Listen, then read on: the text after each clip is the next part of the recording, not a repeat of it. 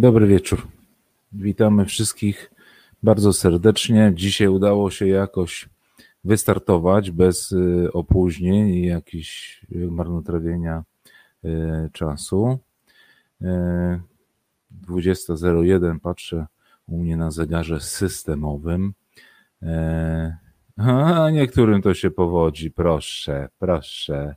No ale korzystajmy, bo Idzie jesień, e, za chwileczkę słota i plucha, a po co nam to, jak można właśnie tak jak pan Andrzej Śmigasiewicz e, w ciepłych krajach e, i korzystać z, jeszcze z tego, co tam to słonko dobrego robi.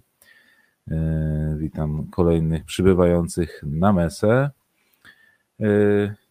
No, chciałoby się powiedzieć szkoda lata, prawda? Bo to się już chyba zakończyło definitywnie. Pożegnaliśmy lato, wchodzimy jesień. Mnie, mnie dzisiaj moja pogodynka ostrzegła, że za chwilkę, jutro już jakieś huraganowe wiatry i się, i się będzie działo. W związku z tym musimy się zacząć przyzwyczajać y, do tego, że środowe spotkania o 20 będą już tak po ciemku. No to u nas zawsze studio jasno, u mnie i wśród y, moich gości y, zawsze to światełko, ten kaganek wiedzy się pojawia, który rozświetla, mam nadzieję, tą e, atmosferę, która tutaj panuje. E, witamy kolejnych, y, kolejnych gości. E, mam nadzieję, że jeszcze przybędą.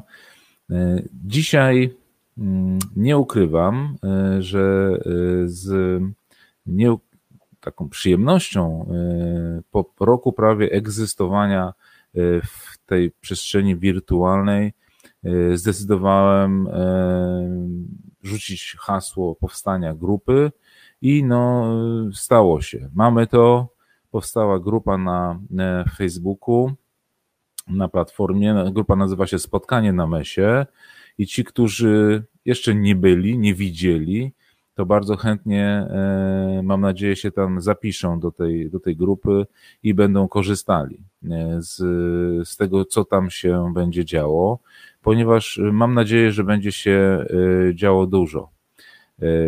Chcielibyśmy mm, jakby tą grupą mm, umożliwić tym, którzy nie chcą występować, pokazywać się tutaj z tej strony ekranu, a jednak mają coś do przekazania szerokiemu gremium, które się interesuje sprawami morza, marynistyką, e, sprawami międzynarodowymi związanymi z morzem, aby e, się w jakiś sposób e, ujawnili. Już to się stało. Bardzo się cieszę, że taka sytuacja ma miejsce, ponieważ no to daje jakby też nam, organizatorom tego programu, możliwość po pierwsze pozyskania większego spektrum, większej, większej, większej tematyki przede wszystkim związanej z morzem i z, z tymi sprawami międzynarodowymi, ale również daje jakby możliwość wciągnięcia was w tą zabawę, bo tak to trzeba traktować, tak? Jako pozyskiwanie wiedzy, jakiś sposób na zabawę i y, y, może nie tyle mm, tracenie swojego cennego czasu, co właśnie wykorzystywanie tego wolnego czasu na to, żeby jakoś się rozwijać. Także zapraszamy do wrzucania postów. Jest taka możliwość się zapisać do grupy i wtedy każdy będzie mógł swój post, swoją myśl, coś co zobaczy gdzieś w internecie, Y, umieścić. Prosiłbym tylko bardzo, i tu już rozmawiałem z tymi, którzy już posty wrzucali na, na grupę, żeby nie było to w takiej prostej formie, że a, znalazłem linka, przeczytałem, y, to wrzucę, niech inni sobie też poczytają. Tą drogą nie idziemy i powiem tak, na, na samym początku taka rozbiegówka, zrobimy to y, w taki sposób, że część osób, póki powiedzmy miesiąc damy, tak? tak taki czasokres na, na to, żeby zrozumieć o co chodzi. Starajmy się przeczytać daną treść artykułu, który zostanie znaleziony bądź przekazany od kogoś. Y, zredagujmy chociażby zajawkę, o czym to jest, bo no, szkoda marnować czasu mm, żeby wejść w link, który ma ładne zdjęcie, a później się okazuje nagle, że jest to e, coś słabego, tak? Temat znikąd i, i w ogóle obeleczem. Także prosiłbym osoby, które będą y, wrzucały posta, jeśli się już zdobędą na to, że chcą się podzielić tą wiedzą, to streśćmy y, treść tego artykułu, wspomnijmy chociaż o czym to jest, bo są bardzo czasami mylne tytuły, takie y, zachwycające, podchwycające, żeby zahaczyć tego potencjalnego osobnika, żeby wszedł na stronę, a później się okazuje, że to no, praktycznie artykuł o niczym, tylko tyle, że jest medialny. Obecnie farmy wiatrowe, to jest jakby bardzo medialna sprawa i wszyscy jakby w ten deseń e, uderzają się później okazuje, że artykuł jest o, mm, e, o Beleczem. E, to jeśli chodzi o, mm, o sprawę grupy, zachęcam jeszcze raz do wrzucania postów i komentowania ich później, bo warto jakby komentować, dyskutować o tym, bo Y, y, y, chcemy bądź nie chcemy, ale osoby, które później ewentualnie te artykuły pisały, czytają komentarze, tak? Albo pod tymi artykułami bezpośrednio, albo w, w udostępnieniach i też jakąś wiedzę z tego pozyskują. Także jak już mamy coś zrobić, to zróbmy to porządnie. To jest nasza dewiza. Po pierwsze, zawsze wierni banderze, a po drugie, jak coś robić, to już robić porządnie. I jeśli już mówimy o o artykułach, to ukazał się y, i jest u nas na grupie artykuł Morska energetyka wiatrowa w Polsce jest fikcją w najbliższych latach. Taki artykuł y, pana e, wywiad z radcą prawnym Mateuszem Romowiczem. Nie znam e, tego pana, ale e, przyznam szczerze, że jak czytałem ten artykuł, to miałem wrażenie, że słuchał naszego y, odcinka, jednego z wielu, które przygotowaliśmy o farmach wiatrowych.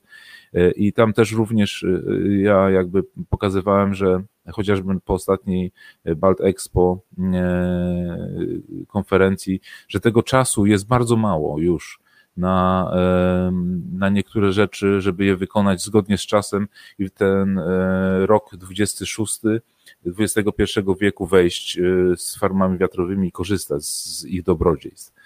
E, tam również w artykule jest wspomniane o tym, że mamy niewybuchy na Bałtyku, o których te również mówiliśmy na spotkaniach.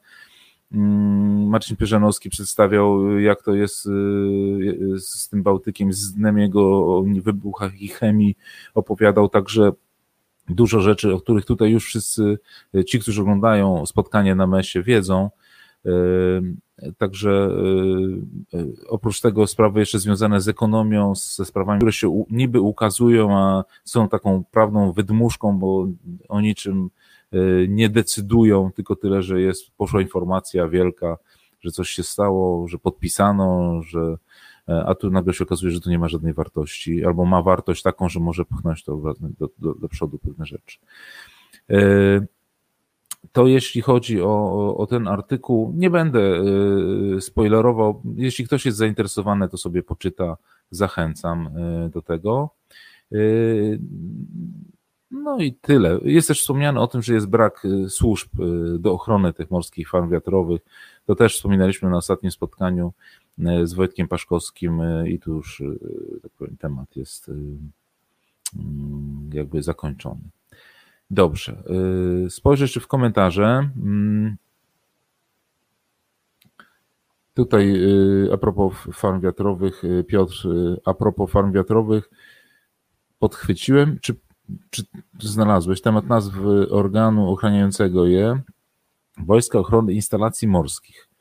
E, Piotruś, a może coś odnośnie tego, kto to wydziela, może byś napisał tu w komentarzach, krótko, bądź chociaż link do tego, nie, nie, nie linkujmy, a może wrzuć to na grupę do nas y, z lekkim, krótkim opisem i, i linkiem jakimś i tam wtedy będziemy mogli sobie wszyscy poczytać, dowiedzieć się czegoś.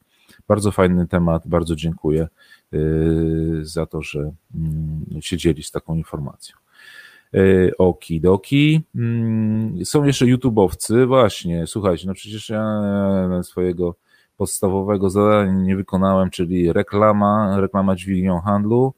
Y, jestem, y, chciałbym przekazać informację, że jesteśmy przecież na, na YouTubie. Jesteśmy na Facebooku i tu na Facebooku liczą się lajki wszelkiego rodzaju, oprócz komentarzy. Liczy się również ta łapka, kciuk w górę, uśmiechy i tam inne rzeczy. O to prosimy. Liczą się komentarze również. To jest nam potrzebne później do statystyki E, która rośnie. Słuchajcie, no serce mi rośnie w ogóle, bo chciałem e, posłusznie zameldować, że na stronę e, wchodzi już 333 osoby. One obserw- nie tyle obserwują, co polejkowały naszą stronę. Obserwuję około 400, bez chyba 6. Jeśli chodzi o Facebooka, mm, oprócz tego mamy tam pewne sprawy jeszcze obserwacji na, na YouTubie. Na którym podobno lepiej się ogląda niż na Facebooku, ale nadajemy i tu, i tu, żeby było tak jak ostatnio, żeby nie było tak jak ostatnio, że na jednym medium y, polegliśmy i już się nie dało tego oglądać, a na drugim się dało. Także działamy w tym kierunku, żeby było wszystko dobrze i dla naszych widzów. I ku szkolnictwie. Druga część, ta bardziej ciekawa chyba, bo taka, y, dlaczego bardziej ciekawa? Ponieważ y, y, będziemy mogli ją jakby namacalnie, tak, doświadczyć.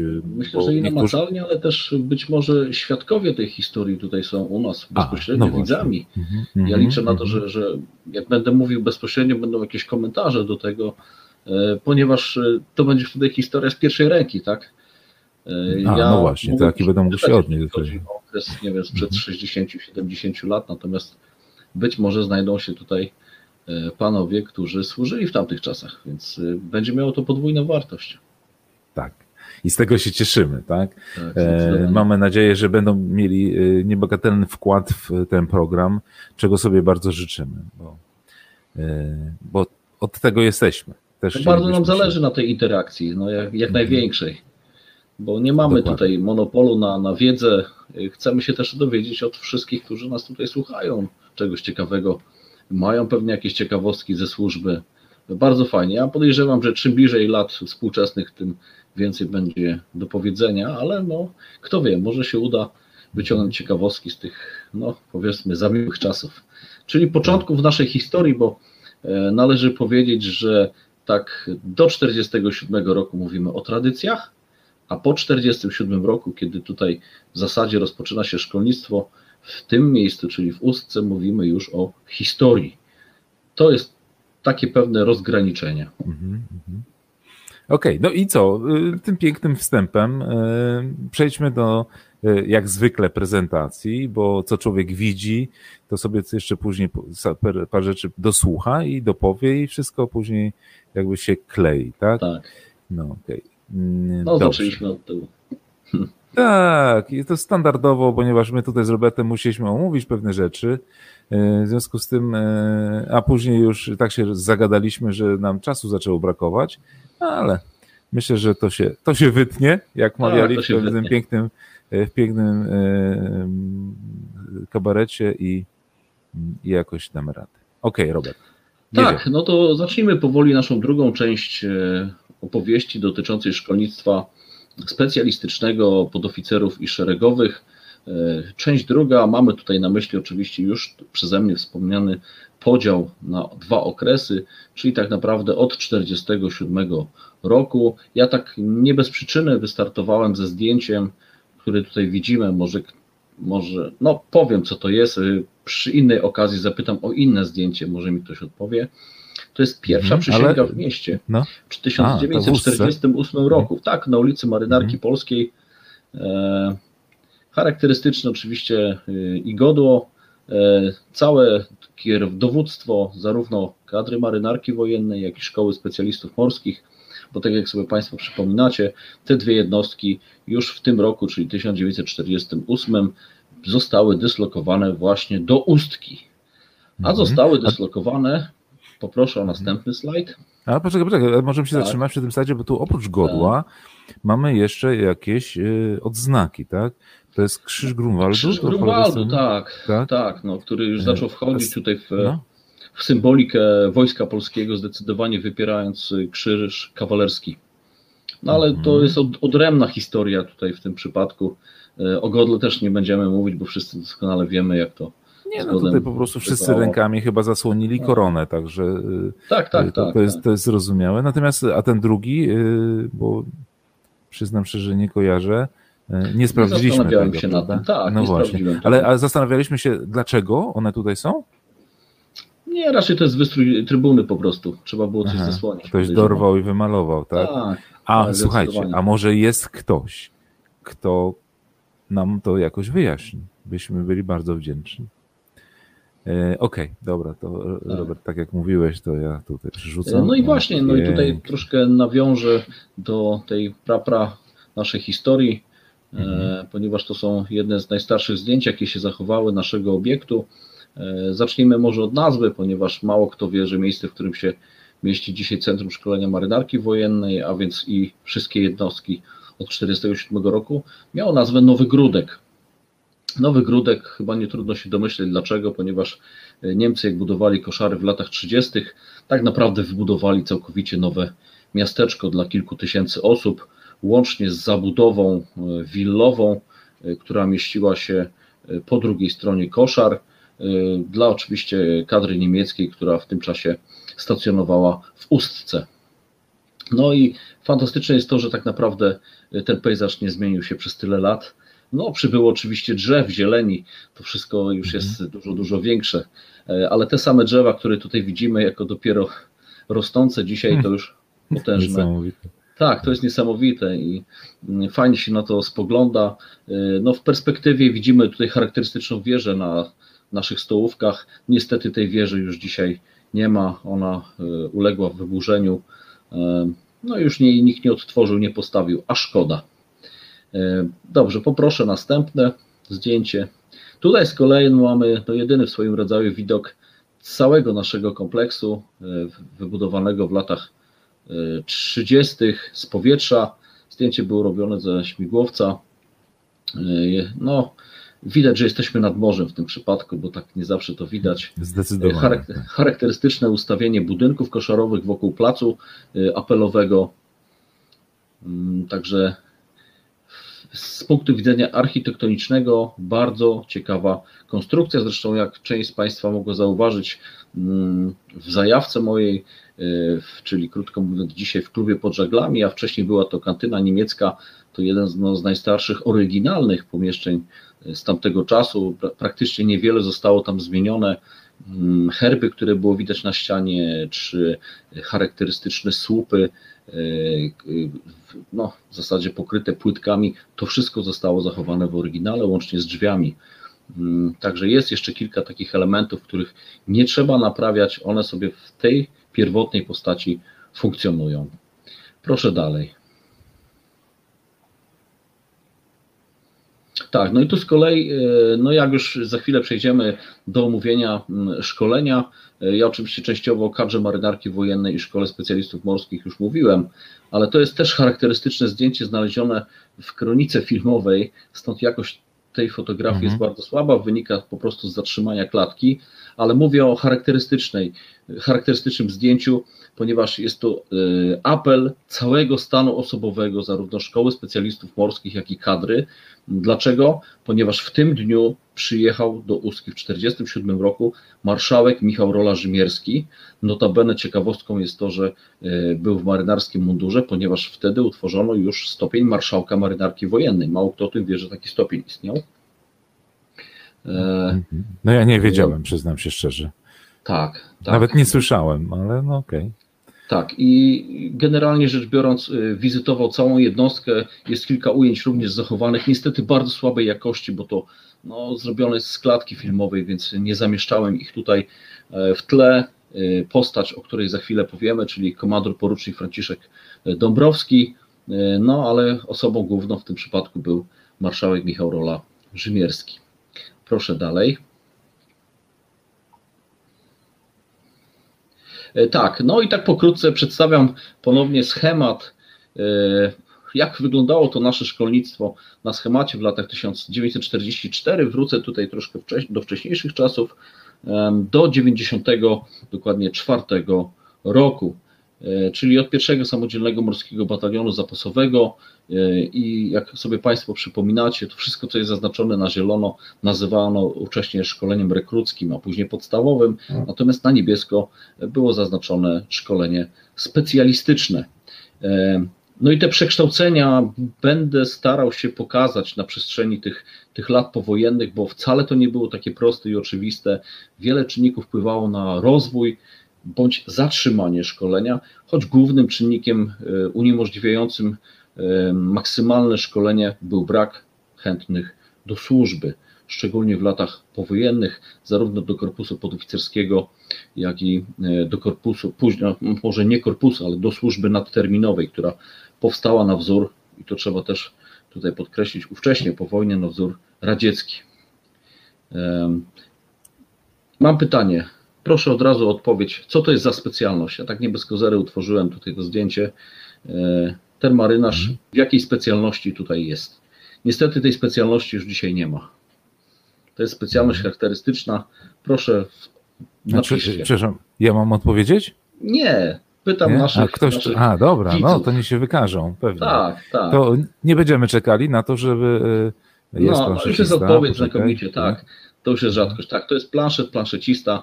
E, specyficzna, jedna z trudniejszych specjalności. Ja jeszcze tę specjalność pamiętam tutaj w centrum, e, ponieważ no, marynarze uczyli się pisać w odbiciu lustrzanym, co wcale nie było takie łatwe, e, ale no, charakterystyczne zdjęcie udało nam się zachować. Tak, dzięki serdeczne. Przejdźmy może dalej. Proszę, nawet kobiety wiedzą, co to specjalność tak, jest. Tak. Jedna no, z, Beata, jedna Beata, z dwóch, oczywiście, no, Beata sama w sobie jest historią centrum tutaj. Okej, okay, dobra. Tak. Kadra marynarki wojennej 46-54, bo w tym okresie funkcjonowała początkowo, tak jak sobie Państwo przypominacie, w Gdańsku Nowym Porcie, następnie przeniesiona do Ustki. I powiem może kilka rzeczy dotyczących samej służby.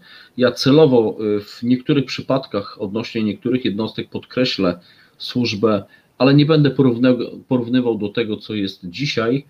E, chcę powiedzieć, że szczególną wagę przywiązywano do wykształcenia specjalistów w marynarce wojennej, o czym świadczą te liczby. Proszę popatrzeć, szkolenie podstawowe w kadrze marynarki wojennej trwało od 14 do 15 tygodni wraz z kwarantanną. Kwarantanna to był okres dwutygodniowy, e, krótko mówiąc nazywany dzisiaj okresem adaptacyjnym. Żołnierze mieli spokojny czas, żeby przystosować się do nowych warunków e, niezwiązanych z cywilem, no a później przez 14-15 tygodni no, dostawali ostro żeby z takiego cywila zrobić żołnierza. E, I proszę popatrzmy, 25 dni było przeznaczonych na szkolenie indywidualne, następnie szkolenie grupy strzelców, jeżeli chodziło o marynarzy, którzy nie byli przeznaczeni do specjalności morskich. Następne 29 dni przeznaczonych było na teorię i praktykę wyszkolenia w ramach drużyny i 40 dni na wyszkolenie plutonu i kompanii. Więc tak naprawdę te pierwsze kroki w marynarce wojennej to w zasadzie dotyczyły takiego typowego programu szkolenia, tak jak w wojskach lądowych. Mhm. Następny etap. Myślę, mhm. że trzeba podkreślić, że jakby ta e, służba na okrętach wtedy nie różniła się prawie niczym od tego, co obecnie mamy. E, też trzeba było mm, znać okręt, też trzeba było e, mieć odpowiednie warunki psychofizyczne, też był jakiś sprzęt do obsłużenia. No, no popatrzmy i... dalej. Czteromiesięczna zaprawa morska to kolejny etap po mhm. okresie szkolenia podstawowego na początku y, funkcjonowania kadry marynarki wojennej. E, charakterystyczny, prawda? To była ta typowe zapoznanie się z morzem. Ktoś mógł stwierdzić, czy tam się tak naprawdę nadaje do tej służby sam, czy się do niej mhm. po prostu nie nadaje. Oraz 6 miesięcy nauki na kursach dla młodszych specjalistów w Szkole Specjalistów Morskich. Po ukończeniu kursu marynarz już jako specjalista okrętowy był kierowany na okres od 14 do 18 miesięcy do służby na okrętach. Po odbyciu służby obowiązkowej mógł pozostać na dalsze 24 miesiące w służbie nadterminowej. Po czterech miesiącach od podpisania zobowiązania do tej służby był kierowany do szkoły specjalistów morskich już na półroczny kurs starszych specjalistów. Tu wszystko miało swoją naprawdę logikę, wynikało z tego, że ci na starszych specjalistów tak naprawdę byli najlepsi kierowani, którzy sprawdzili się do tej pory w służbie e, I z tych ludzi później tak naprawdę robiono też podoficerów. Notabene chcę podkreślić, że system szkolenia, oczywiście on się różni w miesiącach, ale system szkolenia po wojnie był skopiowany z tego, co funkcjonowało w latach 30. A więc można pokrótce powiedzieć, szkolenie podstawowe, czyli rekruckie, zaprawa morska, specjalistyczne kursy, to wszystko było przed wojną i w zasadzie przeniesiono, przekalkowano w pierwsze lata powojenne, oczywiście do momentu, jak e, tak naprawdę Sowieci nie przyjęli e, wielu stanowisk w marynarce wojennej i próbowali na swoją modłę zmieniać ją pod kątem własnej marynarki wojennej, łącznie z umundurowaniem. I na koniec, po ukończeniu e, sześciomiesięcznego kursu starszego specjalisty, marynarze odbywali na okręcie dwumiesięczną praktykę podoficerską, a po niej przez rok pełnili służbę jako mat nadterminowy. Żeby dostać tym matem nadterminowy, proszę popatrzeć, ile trzeba było wysłużyć. Mhm. E, I nie odnoszę się do dnia dzisiejszego. Przejdźmy do następnego slajdu. E, nie ukrywam, że no, istotna była jakość. E, trudno było o tą jakość, może nie tyle, jeżeli chodzi o ludzi, bo potrafiliśmy wyszkolić i to pokazał system szkolenia przed wojną, że z każdego można było stworzyć samego marynarza. Problemem były warunki. O nich też trzeba wspomnieć, ponieważ to nie były łatwe warunki, nie było podręczników po wojnie, nie było tak naprawdę żadnych środków dydaktycznych. E, proszę mi wierzyć, ówcześni instruktorzy, e, zarówno oficerowie, jak i podoficerowie, e, przekazywali swoją wiedzę z głowy. Krótko mówiąc, to co zapamiętali z pływania na okrętach i ze swojej służby, tak ją przekazywano bezpośrednio marynarzom nie było żadnych skryptów, to wszystko dopiero w pierwszych latach po wojnie było tworzone. No ja i właśnie jak jestem. Przyznam szczerze, Proszę. że jak pokazywałem ten poprzedni slajd, to tak, yy, yy, wiesz, no, przy, myślałem o tym właśnie, na czym oni tak naprawdę pracowali, tak? No bo yy, tak. jeszcze pozwolę sobie wrócić do tego slajdu. No, słuchajcie, no, tyle y, czasu. Y, wiadomo, że czasy były no, takie skromne, właśnie wyposażenie to dy, dydaktyczne nie było symulatorów, trenażerów, tak? To wszystko przypuszczam, że nie. trzeba było e, dużo opowiedzieć i bazować na mm, tej wirtualnej e, rzeczywistości, znaczy wirtualnej na takie rzeczy trzeba sobie wyobrazić parę rzeczy, bo pierwsze urządzenie, które można było pokazać, to było pewnie na okręcie, który był tak. bardzo dalek, daleko od ustki, tak? Między innymi temu też służyła ta zaprawa morska, prawda? To było takie pierwsze zetknięcie się samym sprzętem, z regulaminem na okrętach, z zasadami, jakie obowiązywały. Y, stąd to było tak ważne, y, bo nie było skąd czerpać tej wiedzy. To, to, to było po prostu trudne w tym czasie, ale jak widzimy, dawano sobie radę. Y, chcę przedstawić jednocześnie te najważniejsze osoby w tym czasie, które dowodziły jednostkami. Ja już tak mniej więcej troszkę wspomniałem na ten temat ostatnio, Natomiast no, y, osoby są bardzo ciekawe. Niestety nie mamy dzisiaj czasu, żeby mógł omówić y, część z nich, ale być może y, zrobimy oddzielny program na ten temat, bo postacią niezwykłą był komandor porucznik Karol Kopiec, później już komandor Karol Kopiec, dowódca pierwszego samodzielnego morskiego batalionu zapasowego i dowódca pułku szkolnego. Dlaczego? No bo był to oficer słynnej dwójki przedwojennej sztabu generalnego, więc wywiadu i kontrwywiadu. Y, no i pełnił służbę w okresie powojennym. To jest ciekawostka. No, o komandorze poruczniku Franciszku Dąbrowskim, zastępcy dowódcy składnicy tranzytowej na Westerplatte nie muszę wspominać. Mm, tutaj też swoją drogę znalazł, y, wstąpił do marynarki wojennej zaraz po powrocie z obozów jenieckich. Y, no i to postać niezwykła, bo zawsze podkreślamy to, że to pierwszy dowódca garnizonu w Ustce w 1947 roku. E, no i chcę tutaj też podkreślić, że w przyszłym roku mamy okrągłą rocznicę istnienia garnizonu 75 5 lat. E, także to jest taka ciekawostka. Próbowałem ustalić dokładną datę i tak naprawdę trudno powiedzieć, czy zaczynamy od przyjścia na wiosnę Szkoły Specjalistów Morskich, czy kadry marynarki wojennej kilka miesięcy później. Ale to już takie dywagacje akademickie, w sumie nieistotne, ważny jest sam rok Ja myślę, że musimy tutaj wspomnieć w tym miejscu o tym, że bo wszyscy jakby przywiązali się poprzez zdjęcia i ja również do tego, że mówimy o ustce, tak? A tutaj tak. pan Karol Kopiec, komandor później, to są sprawy związane z końcem II wojny światowej i z, ze szkolnictwem na zachodzie, prawda? Tak, tak, zdecydowanie. E, zresztą mamy fantastyczne zdjęcie zachowane e, jeszcze kapitana Kopca na pokładzie ORP Bałtyk razem ze swoją klasą, ponieważ był wykładowcą w Centrum Wyszkolenia Specjalistów Floty. Zresztą jak większość tych oficerów, która przeżyła i wróciła do kraju, więc oni tak naprawdę w swojej historii, jak, się, jak czytam ich biogramy, to w zasadzie wszyscy oficerowie do praktycznie prawie, prawie z wyjątkiem jednego dowódcy kadry marynarki wojennej, cała kadra do 63 roku to kadra powojenna, przedwojenna tak naprawdę. Mhm. Przedwojenna, tak. To są wszystko oficerowie i instruktorzy przedwojenni.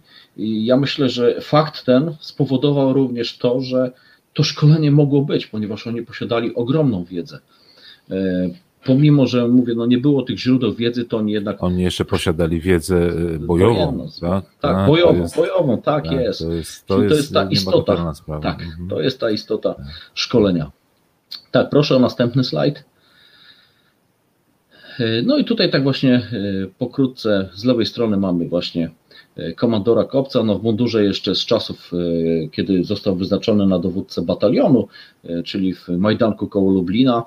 W środku mamy komandora e, porucznika e, Franciszka Dąbrowskiego. To zdjęcie z kolei e, jest, zostało nam udostępnione, tak jak tutaj Franciszka Gabineta z Centralnego Archiwum Wojska Polskiego, z TAP-u tak zwanego, czyli akt personalnych żołnierzy. Mamy dokładny przebieg służby w zasadzie wszystkich komendantów powojennych. Proszę dalej.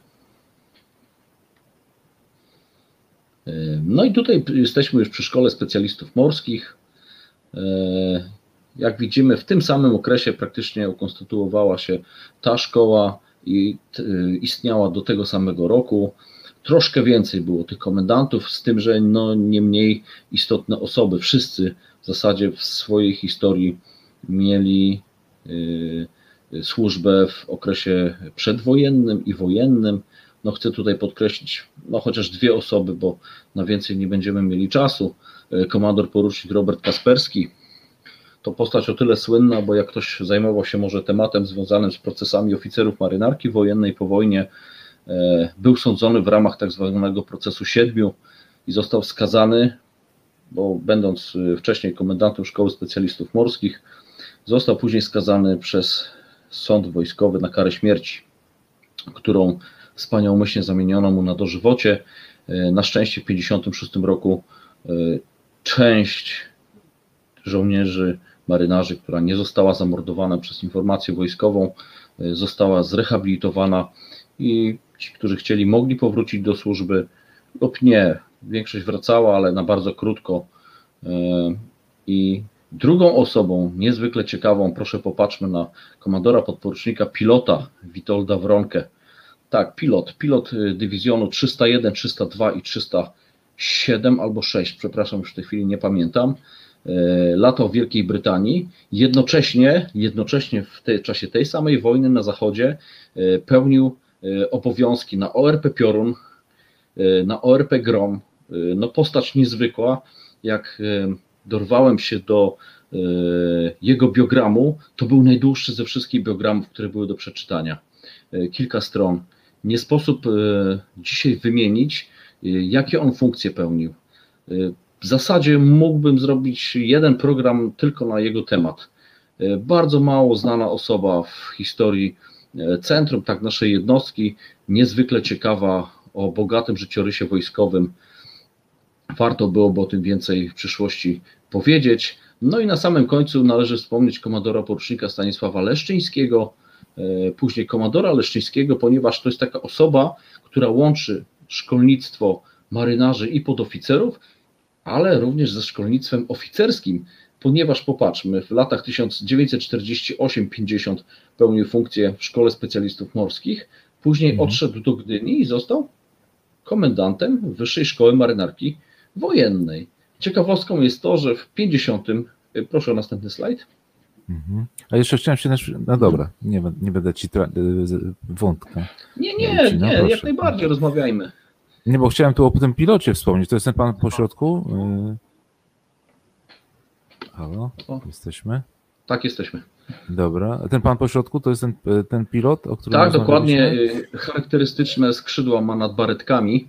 No tak, właśnie. Ciekawe właśnie... czy, czy, czy Mariuszowi Borowiakowi nie podrzuciliśmy właśnie jakiegoś tematu do następnej hmm. książki. Bo to tutaj... wie, y, fantastyczna sprawa, naprawdę. No z prawej strony mamy komandora Leszczyńskiego, y, a z lewej komandora Kasperskiego. Tak właśnie celowo dobrałem te trzy zdjęcia w tym wypadku. No i przejdźmy dalej.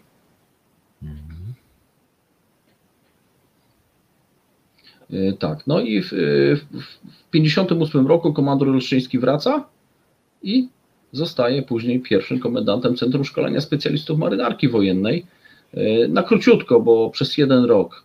I następnie odchodzi na inne stanowisko służbowe. No i chciałem się teraz skupić troszkę na szkoleniu e, podoficerów w latach 48-63, ponieważ był z tym straszny galimatias.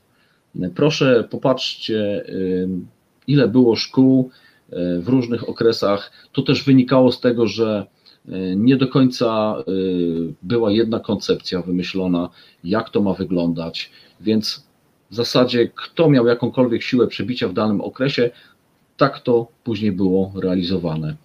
No i pojawiła się też bardzo taka mm, ciekawa tendencja, żeby ze względu na ogromne potrzeby marynarki wojennej, bo w tym czasie no, dosyć znacznie się marynarka wojenna zaczęła rozbudowywać ze względu na e, liczne okręty, które otrzymaliśmy ze Związku Radzieckiego, potrzeba było zarówno wykształconych marynarzy, jak i podoficerów. No i mhm. popatrzmy. A wiesz co, nie tylko, przepraszam, że ci przerwam, ale nie tylko ze Związku Radzieckiego, to dostawaliśmy z Zachodu również tak, w ramach reparacji. E, tak, e, także tego też troszeczkę, bo ja patrzę przez pryzmat sił desantowych chociażby, tak, tego tak. E, troszeczkę dostaliśmy, okay? Ten koniec lat 40., początek 50., to też to był taki okres, w którym było więcej sprzętu, ale też był znaczny niedobór kadry, więc pojawiła się tendencja rozdrobnienia i tworzenia szkół typowo specjalistycznych. No i czego wynikiem było tworzenie różnego rodzaju, tak to określę, placówek szkoleniowych dla podoficerów. E, pierwszą z nich była Szkoła Podoficerów Zawodowych Marynarki Wojennej, która funkcjonowała przez 4 lata, powstała e, w torpedowni numer 1 w słynnej Formozie w Gdyni.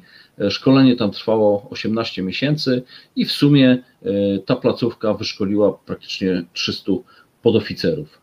Druga to Szkoła Podoficerska Artylerii Nadbrzeżnej, w latach 50-63. Bardzo długo się ta szkoła utrzymała w Gdyni Oksywie. No i w 55 wymyślono, żeby stworzyć na bazie Brygady Okrętów Podwodnych szkołę podwodnego pływania. Ona niestety ostała się tylko jeden rok.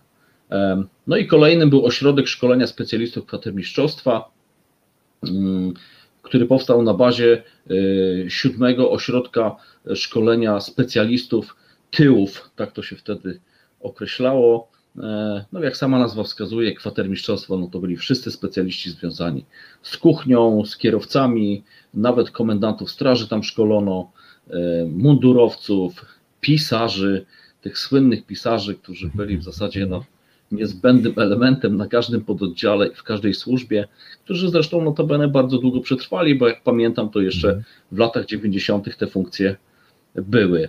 Zdradź tajemnicę 1800 podoficerów, to dotyczy tych wszystkich, tych trzech szkół, czy to tak. jego ośrodka, przepraszam, czy no, wszystkich, tak? Tych okay, trzech bez szkoły podoficerów zawodowych.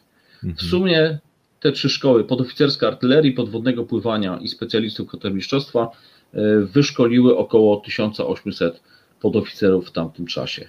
No i należy również wspomnieć o podoficerskiej szkole zawodowej imienia rodziny na Lasku w Elblągu, gdzie praktycznie cały wypust z tej szkoły zasilał marynarkę wojenną, zarówno jednostki brzygowe, jak i jednostki pływające. Zresztą y, mamy tutaj jeszcze kolegę w służbie, który jest po tak słynnych nalaskach. Jeszcze, jeszcze parę miesięcy. tak, jeszcze parę miesięcy.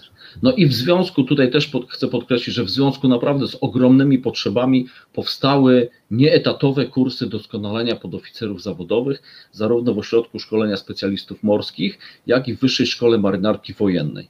One trwały 6 miesięcy, no i w sumie wyszkoliły przeszło 830 e, podoficerów.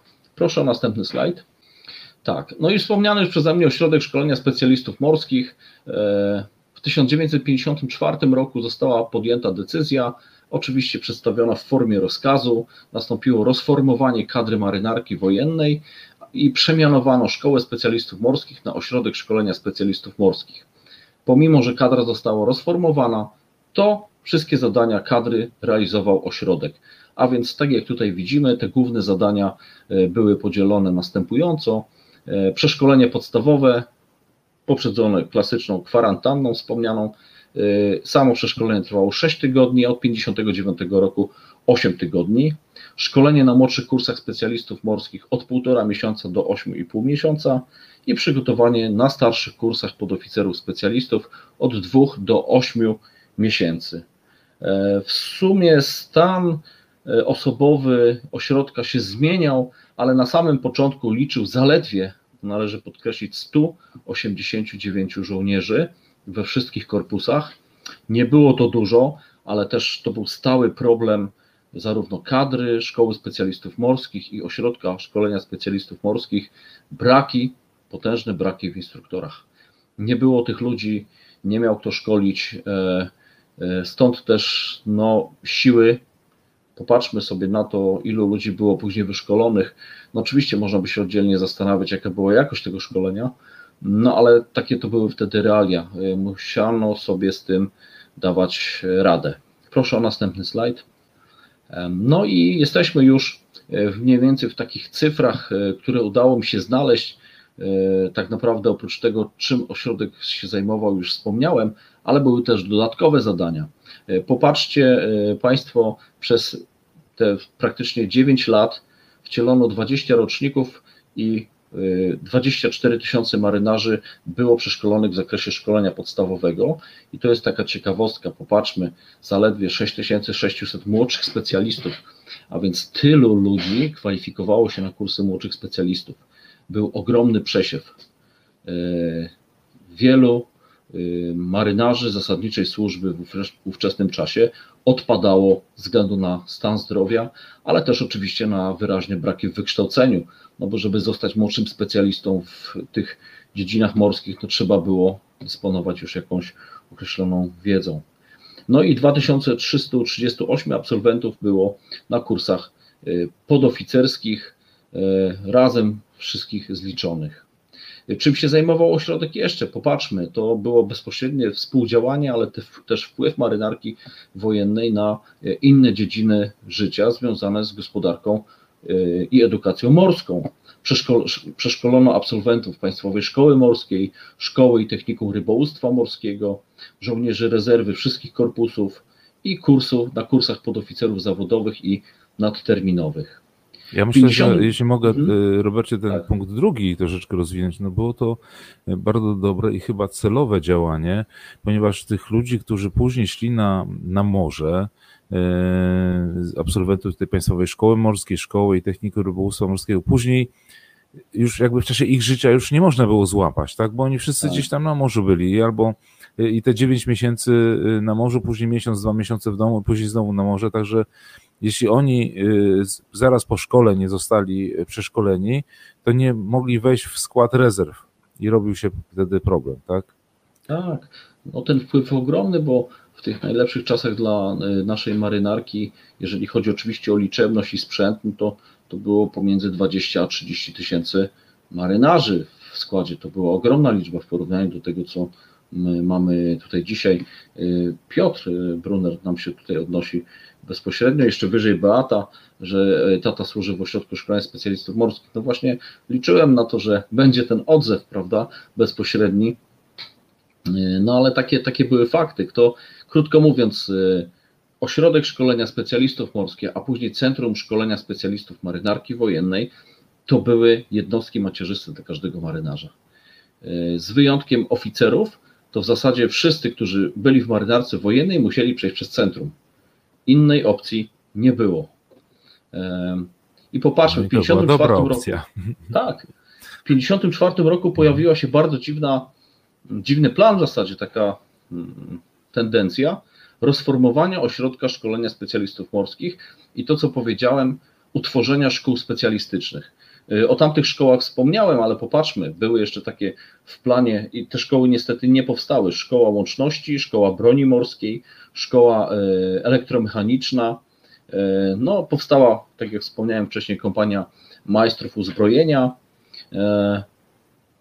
i nastąpiłoby straszne rozczłonkowanie tego wszystkiego. Na szczęście nie doszło do powstania aż tylu ośrodków szkoleniowych i zdecydowano się na centralizowanie tych wszystkich szkół, które były do tej pory i w 1963 roku e, komendant Ośrodka Szkolenia Specjalistów Morskich, wspomniany przeze mnie komandor Leszczyński, otrzymał rozkaz utworzenia Centrum Szkolenia Specjalistów Marynarki Wojennej w 1963 roku. Poproszę mhm. następny slajd. Dobrze, ale proszę, mogę się zatrzymać jeszcze chwilę, tak. bo napisałeś 54, 57 plan rozformowania, tak. czyli to na, tak naprawdę nie weszło w życie? Nie weszło, weszło w życie, na szczęście, nie weszło. Nie weszło, okay, nie weszło tak. Ośrodek się ostał y, aż do 63 roku. Y, w krótkiej historii, bo dziewięcioletniej, zaledwie było dwóch komendantów Ośrodka Szkolenia Specjalistów Morskich. Wspomniany przeze mnie Franciszek Gabinet, y, Ciekawostką jest to, że wcześniej był komendantem kadry, no i komandor Stanisław Leszczyński, który wcześniej również był komendantem Szkoły Specjalistów Morskich, więc osoby, mhm. które znały tak naprawdę e, problem szkolenia, jednostkę, e, z jakimi się borykały te jednostki wcześniej, no i faktycznie to było bardzo dobry sposób realizowane. Proszę o następny slajd. Jeszcze, y, bo cały czas mi po głowie się kręci ta sprawa mhm. związana z poprzednimi slajdami, a mianowicie z tą ilością, y, ze stanem osobowym. Y, aż się dziwię, bo wtedy jakby trybem nakazowym żołnierz, tak zwany ruki paszwam, dostawał rozkaz wyjazdu, jechał, obejmował stanowisko i, y, i nie było chyba z tym problemu. Tak mi się wydawało, młodemu człowiekowi, jakby mhm. patrząc na to, co się, y, o, o jakich latach mówimy, tak? tak? A tutaj wychodzi na to, że jednak patrzono na te specjalności i na to, jaką wiedzą dysponowano, a nie obsadzano byle kiem. Y, tak. tak w tym, Dlatego też podkreśliłem, że no, w marynarce od samego początku liczyła się tutaj też jakość no bo y, no nie, no nie mogli uczyć y, młodych ludzi, którzy nie mieli praktycznie żadnej wiedzy albo słabą wiedzę ogólną, nie mówiąc o specjalistycznej, ludzie, którzy sami nie mieliby o tym pojęcia żadnego, prawda? Nie byli to policjanci, nie była to straż tak. graniczna. Ciekawostką jest to, że tych 187 żołnierzy, y, stan, stan etatowy tej jednostki na samym początku wynosił 230 żołnierzy. Więc to nie było, nie było tak dużo tych wakatów, no niemniej jednak były. No i zgodnie z wspomnianym przeze mnie rozkazem w 1963 roku e, Ośrodek Szkolenia Specjalistów Morskich został przeformowany i ciekawe jest to, że e, Ośrodkowi Szkolenia Specjalistów Morskich nadano sztandar, ale Centrum Szkolenia Specjalistów przejęło ten sztandar i ten sztandar był aż do 1994 roku. Nie było sztandaru Centrum Szkolenia Specjalistów Marynarki Wojennej. E, I o tym powiem za chwilę. Sztandar szkolenia Centrum Szkolenia Specjalistów Marynarki Wojennej powstał w 1994 roku.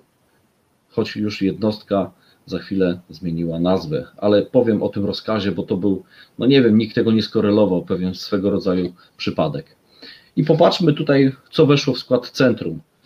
Ta jednostka powstała po to, żeby skumulować całe szkolenie szeregowych marynarzy e, i podoficerów na potrzeby floty.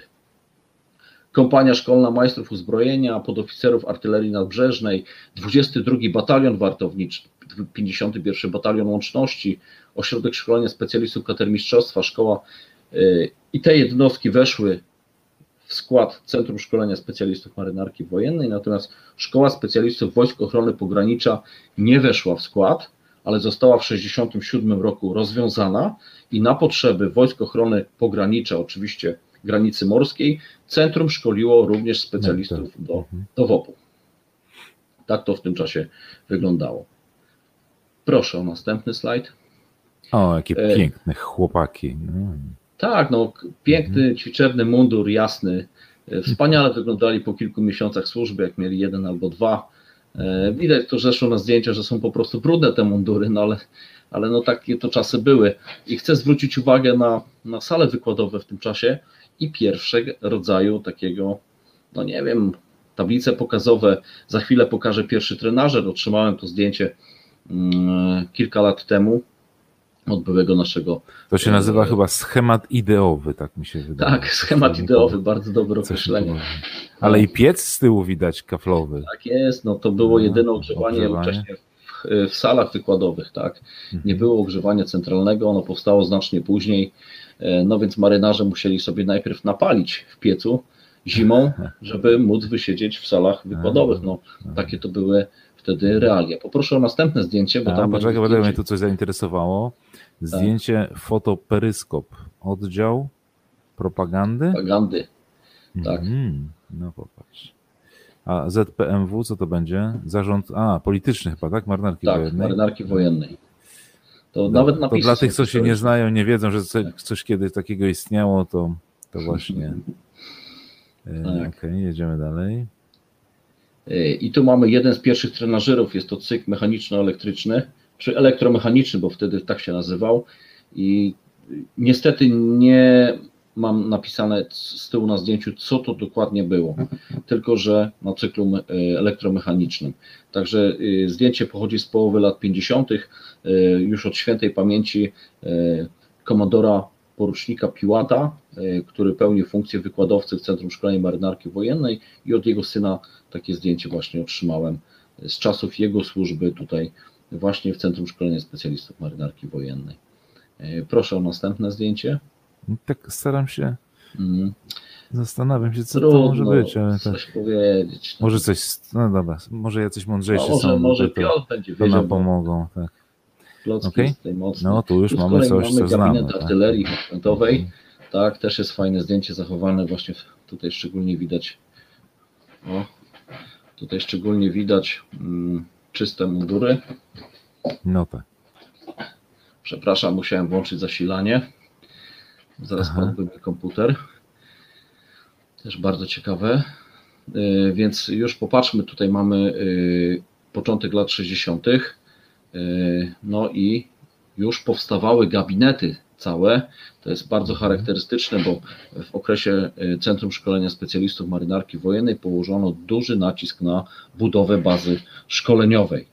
E, No oczywiście jak to w tamtych czasach było, w większości trzeba było sobie radzić własnymi siłami, czyli siłami marynarzy. I proszę dalej. E, No i też w ten sposób takie obiekty zaczęły sukcesywnie e, powstawać. Tutaj mamy kolejne zdjęcie z kolejnym trenażerem, być może, bo tak z daleka jest to ujęcie zrobione. i Jak widzimy, tych urządzeń już było, było coraz, coraz więcej. Proszę o następny. Tak staram się skojarzyć, co to, do czego to był gabinet, ale tak. A, może no tak. Tak. No i, i kilka słów na temat samego szkolenia. E, W zasadzie w Centrum Szkolenia Specjalistów Marynarki Wojennej utworzono jednolity system e, szkolenia specjalistycznego dla marynarzy jednostek pływających i brzegowych, który trwał, krótko mówiąc, 5,5 miesiąca. Nieważne jaka to była specjalność, program był rozpisany na taki okres. I ciekawostką jest to, że jak popatrzymy jeszcze wstecz te 10 czy 15 lat temu, to tak na dobrą sprawę e, system szkolenia w swojej istocie się nigdy nie zmienił, bo zawsze mieliśmy pododdziały szkolne, które szkoliły w systemie podstawowym, następnie po tym systemie podstawowym e, część szła bezpośrednio do jednostek brzegowych, e, natomiast druga część szkoliła się specjalistycznie i na te potrzeby utworzono pododdziały czy kompanię szkolenia specjalistycznego. No jakby nie patrzeć, ta struktura tak naprawdę istnieje do dzisiaj. Więc No, przerwę pewne na chwilkę. Tak, Mhm. proszę. Bo tu Piotr się uaktywnił. E, agregat prądnica osiłka chyba od osiołka, e, bo to są te agregaty postojowe. No Piotrze, napisz jeszcze, co to oznacza dokładnie. No to, to, jest, to jest e, agregat postojowy, osiołek tak zwany. Mm -hmm, no, mm -hmm. Przynajmniej jeśli to o, o, tym mówimy. No to fantastycznie, A też to urządzenie. Drugie zdjęcie -hmm. było od centralna artyleryjska, przynajmniej tak Piotr twierdzi. No, jeśli tak. w ogóle się wypowiedział, także przyjmijmy, że jest to no pewnik. Jeśli nie, to prosiłbym w komentarzach a tutaj mamy y, pozdrowienia od wysuniętego punktu Centrum Szkolenia Marynarki Wojennej w Krakowie, południowej tak. części naszego kraju. Pozdrawiamy serdecznie, zdrowia dużo życzymy. Życzymy, tak. Tak. Y, okej, okay, dobra, jedziemy dalej. Tak, no i chciałem się też skupić y, na tym, co się działo w tym czasie w samym Centrum Szkolenia Specjalistów Marynarki Wojennej. No, działalność była bardzo szeroka, jeżeli chodzi o podoficerów, kursy podoficerów nadterminowych, ponieważ cały czas ta służba była utrzymywana, jak doskonale wiemy, ona w zasadzie utrzymała się, e, istniała jeszcze całkiem, całkiem niedawno.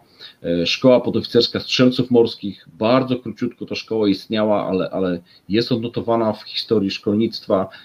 I nie to szkoła podoficerów zawodowych, która powstała w 1964 roku, a dwa lata później została przekształcona już w podoficerską szkołę zawodową marynarki wojennej, e, no czyli popularne kompoty, bo tak e, określano e, elewów, bo wtedy nazywano nie kadeci, a elewi szkoły podoficerskiej. Uważaj, Robert, tutaj. No tak, tak się mówiono, a w 77, czyli nieco później, w, pod PZK wchłonęła szkołę podoficerów służby zasadniczej, a to z kolei, może koledzy tutaj potwierdzą, byli nazywani z kolei apaczami.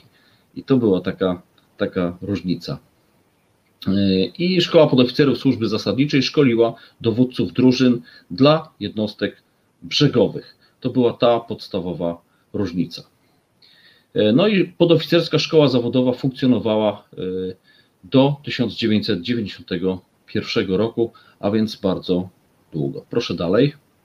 E, no, Wspomniałem o obiektach szkoleniowych. E, tak, no to jest nasz ośrodek tutaj e, szkolenia fizycznego OSF.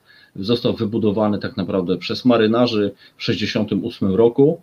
No i to dzisiaj w tym samym miejscu jest, oczywiście już poddany pewnej przebudowie i renowacji, ale fakt jego istnienia potwierdzamy, dalej jest. Proszę Marynarzom się przydaje. No, niezmiennie. okay. E, tutaj z kolei mamy e, zdjęcie z otwarcia nowysieńkiej strzelnicy 100-metrowej e, garnizonowej przez komendanta ówczesnego komandora Makarewicza. No, charakterystyczne białe olimpijki. One w tamtym czasie występowały jako jeden z ubiorów wyjściowych. No i na następnym zdjęciu poproszę. Następny tak, Poczekaj, muszę się zatrzymać, bo to, co tu się dzieje na tym zdjęciu, to jest taka degrengolada, że się e, mundurowa, e, bo to pewnie nie jeden logistyk się już tutaj załamał, bo jest to na pewno jakaś uroczystość taka dosyć oficjalna. Niektórzy tak. są w białych olimpijkach i tutaj ten niektórzy w mundurach y, wyjściowych, a z tyłu za nimi, zobacz, a, bo to jeśli to strzelnica, to pewnie ta, ta ekipa w y, hełmach to już od razu zasuwała strzelać, no bo to tak nie było co czekać tak naprawdę. Umundurowani strzelnica trzeba, tak. trzeba pokazać co, gdzie i jak, nie? Dokładnie Dobra. tak. tak. I następne Proszę. zdjęcie pokazuje mhm. dokładnie tak. tę strzelnicę i tą ekipę pewnie, która stała przygotowując się już właśnie no, do, ale do Dalej pociągnę strzela. temat niecodzienności, bo ten pan w mundurze wyjściowym tam chodzi za nimi. E, matko, no tak, no ale dobra. No, ale to tak robiono to wszystko na pokaz, to nie wszystko pasuje w tym obrazku. No ale takie rzeczy się działy. E, w tym miejscu dalej oczywiście znajduje się dzisiaj strzelnica po znacznej modernizacji i przebudowie. O, to, to, to, znacznej. Tak pojawiło się wiele elementów tej strzelnicy. Tak, jeszcze. natomiast samo umiejscowienie do dzisiaj jest to samo. Proszę dalej. Ale że tego drzewa nie wycięli, to mnie dziwi, bo to jakoś tak, no dobra. No, może do odstrzału. E, no i chcę mhm. wspomnieć, nie zamieściłem tutaj wprawdzie zdjęć, ale e, Centrum Szkolenia Specjalistów e, charakteryzowało się tym, że nawet próbowało funkcjonować niezależnie od zewnętrznych dostawców. Była własna świniarnia, krótko mówiąc, hodowaną trzodę chlewną. Poczekaj, Również... my o tym samym zdjęciu mówimy teraz? Ty widzisz to samo zdjęcie? Bo ja tu tak, widzę tak, akurat żołnierzy na zbiórce, a tu o świniarni tak? coś wspominasz? Okay, tak, wspominam jeszcze, że powstała własna biogazownia, bardzo Aha. nowoczesna do ogrzewania koszar. Jak na tamte czasy, no to można powiedzieć, że jednostka była wysoce ekologiczna.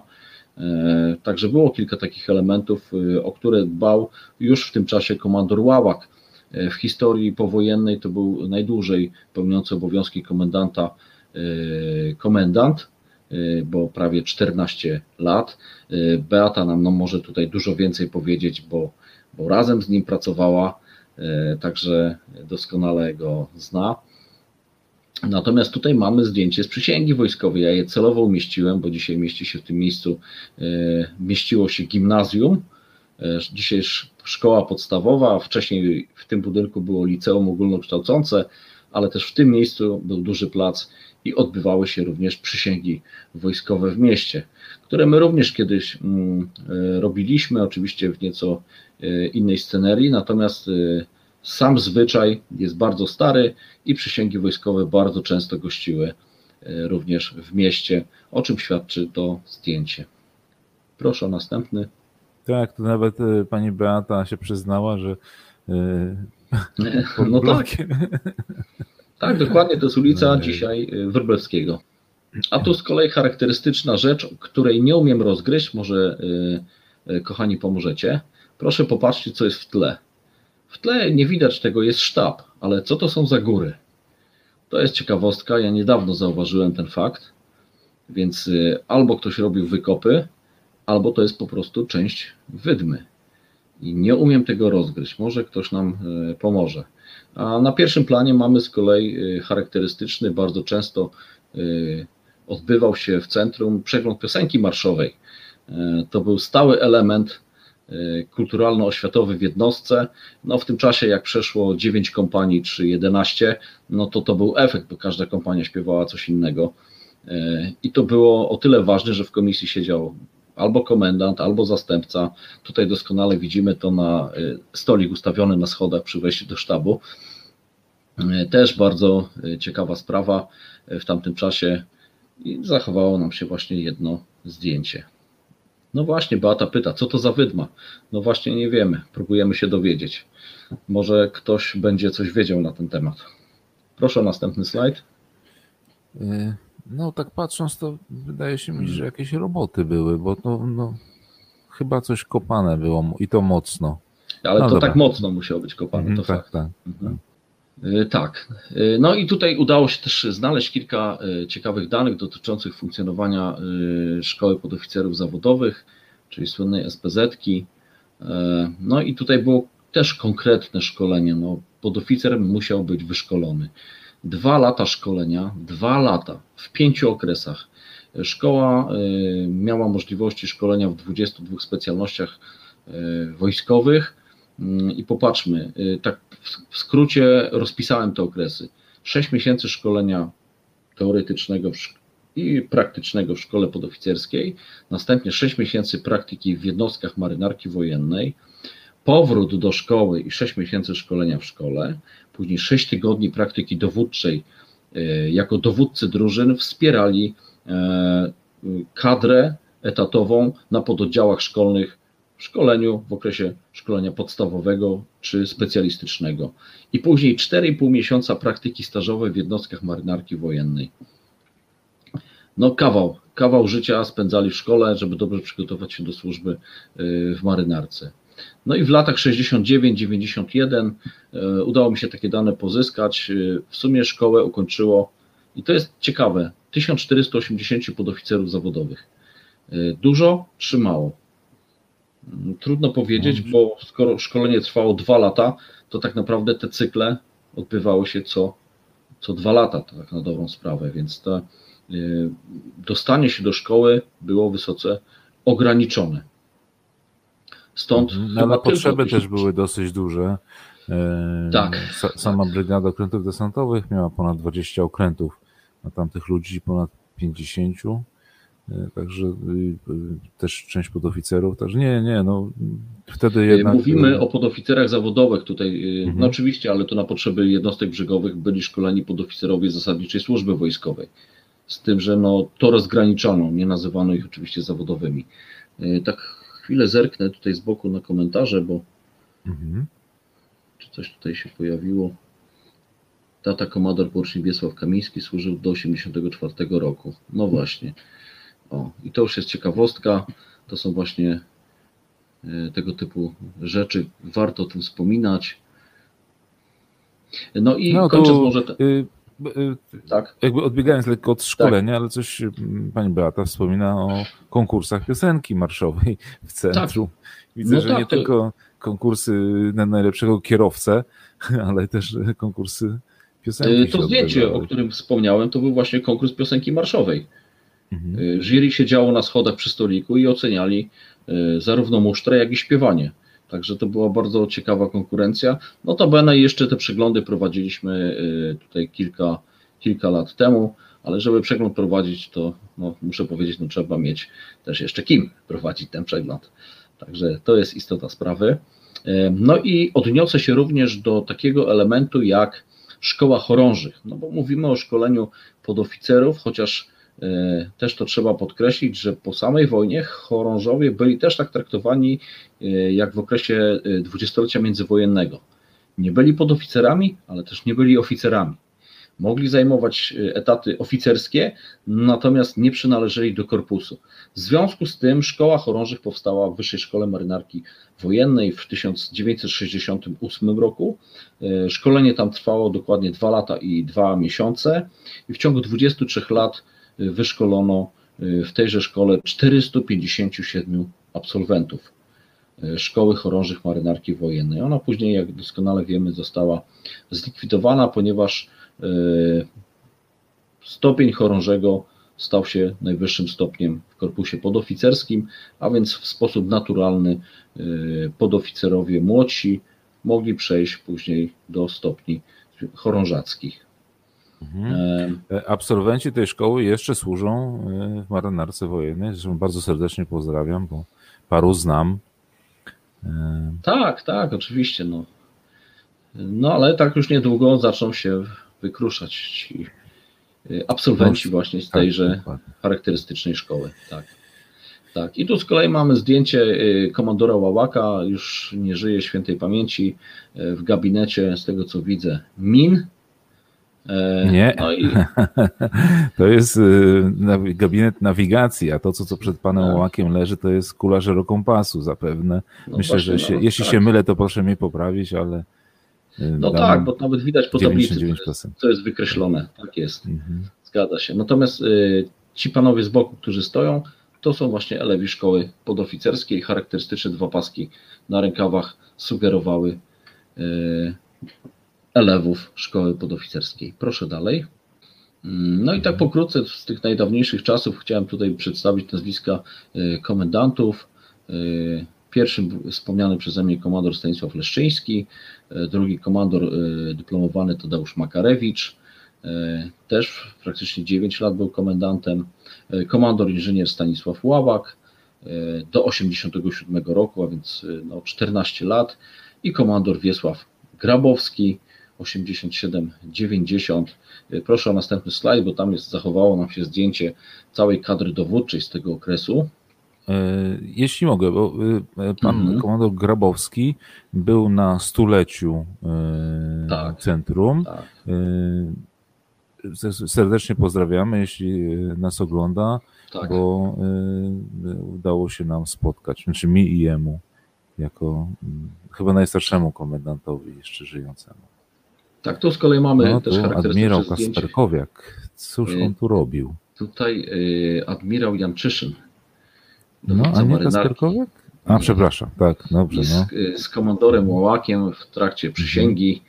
No też charakterystyczne zdjęcie, no nie widzimy oczywiście całego ujęcia, ale tak jak plac szeroki i głęboki, tyle wojska stało, a więc to był okres i tutaj Batka może mnie ewentualnie poprawić, ale to był okres, kiedy na placu stało 2000 ludzi do przysięgi. I no, jeszcze była też... charakterystyczna wieża e, na naszych stołówkach. Mhm. E, tak, tutaj pan Zbigniew Kamiński mówi, że Makarewicz e, żyje. No niestety próbowaliśmy go wielokrotnie tutaj zapraszać na święto do jednostki. Niestety no jakoś nam nigdy nie odpowiedział. No ale jeżeli żyje, no to niech żyje 100 lat. W zdrowiu. Życzymy dużo tak, zdrowia. Proszę dalej. E, no i tak też nie, nie, bez kozery zamieściłem to zdjęcie z kolei, ponieważ e, to jest też element związany z rozwojem jednostki. E, w latach 70. powstał ośrodek szkolenia morskiego, w którym uczono tych podstawowych czynności związanych z wiedzą morską w takich właśnie warunkach nieco wiązanych. No niby łajda była, ale oczywiście na lądzie. I jak widzimy, ten ośrodek mieścił się naprzeciwko dzisiejszej bazy noclegowej. Po drugiej stronie mamy bazę noclegową. No, jak popatrzymy na dzisiaj, no to już w zasadzie mhm. las rośnie i zostały tylko patrzmy, tak. tego budynku. Dokładnie. Tak, niestety. Mhm. Proszę o następny slajd. Mhm.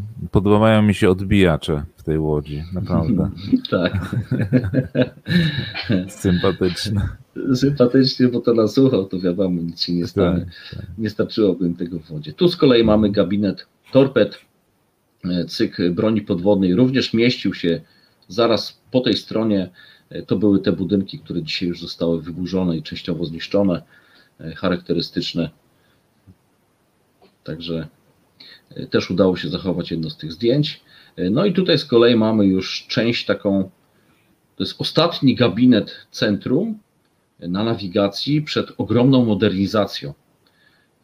Kiedy weszły już systemy komputerowe, nowoczesne symulatory na cykl nawigacji, to tak wyglądał gabinet nawigacyjny, e, no jeszcze stare klasyczne przyrządy. Oczywiście nieśmiertelna mapa, która no, nieśmiertelna jest również i, i dzisiaj, prawda? Bez tego to nie da się nauczyć e, nawigowania. Mm, no i tutaj na zdjęciu mamy komandora Kloskowskiego. Proszę dalej. Andrzej Wysocki tu wspomina, że najdłużej komendantem szkoły był Zygmunt Urbański. No 11 lat, natomiast tak, 11. komandor Ławak 14 lat. E, no i tutaj mamy e, już wszystkich komendantów jeszcze na przełomie roku, kiedy to jeszcze było Centrum Szkolenia Specjalistów Marynarki Wojennej. E, no i w tą erę wprowadził tutaj jednostkę komandor Zygmunt Urbański świętej pamięci. No i następnie mamy już wszystkich komendantów aż do współczesnego komendanta i taki wielokropek tutaj powstał. No nie wiemy do kiedy, mm, także tak to, tak to wygląda. No, tajemnice kadrowe są. Tak. Znam. Niech tak, tak. zostanie na razie. Okej. Okay. No i tu mamy zdjęcie zachowane przed starą salą tradycji. Dzisiaj ten budynek też już jest wyłączony z użytkowania. E, na pierwszym planie e, trzeci w dolnym rzędzie od lewej to właśnie pan komandor e, Grabowski. Po lewej stronie od niego pan komandor Filipek. Jeszcze po lewej pan świętej pamięci komandor Kierys, którego E, pochowaliśmy niedawno.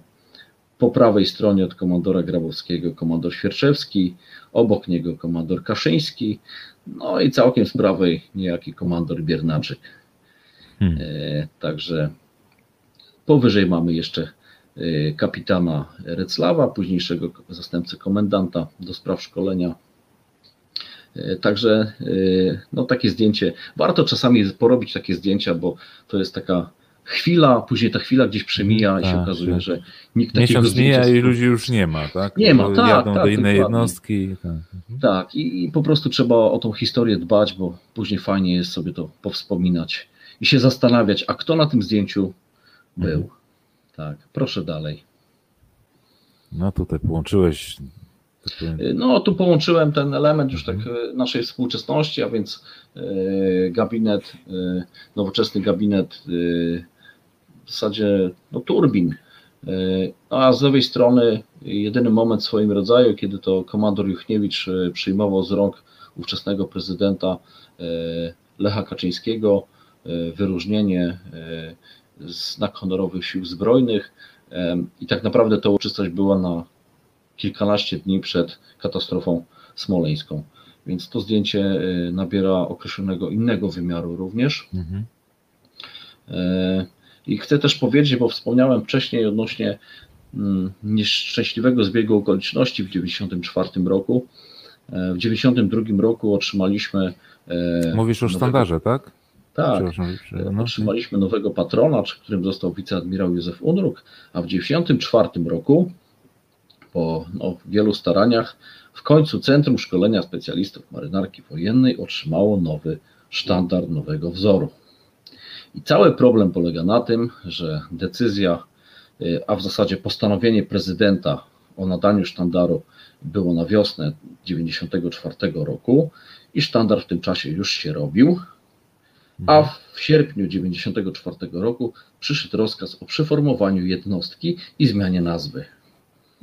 I wielu pyta, jak to się stało, że mamy nowy sztandar, a mamy jeszcze skrót CSSMW. No właśnie dlatego. Naprawdę nieszczęśliwy splot okoliczności spowodował, że nowa jednostka tak naprawdę ukonstytuowała się w 1994 i 1995 roku.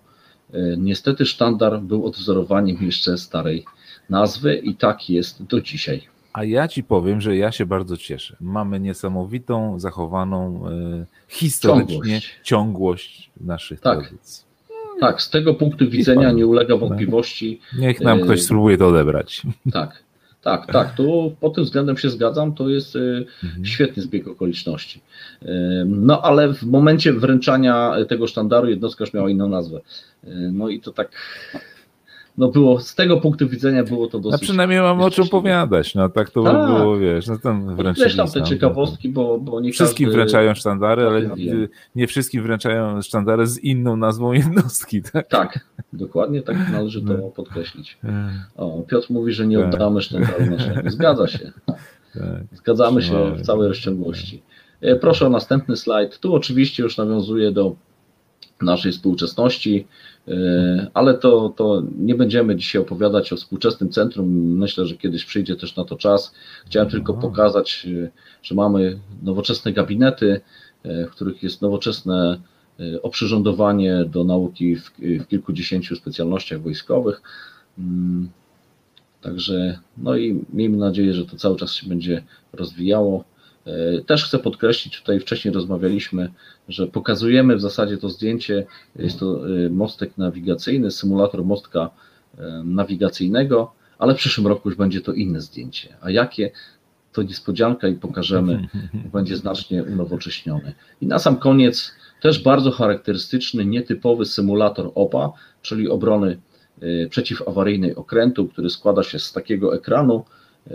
Jest to stanowisko instruktora, a z boku stoi kilkanaście mniejszych stanowisk dla szkolonych, którzy mogą symulować różne sytuacje związane e, z zagrożeniem mm, i ratowaniem okrętu.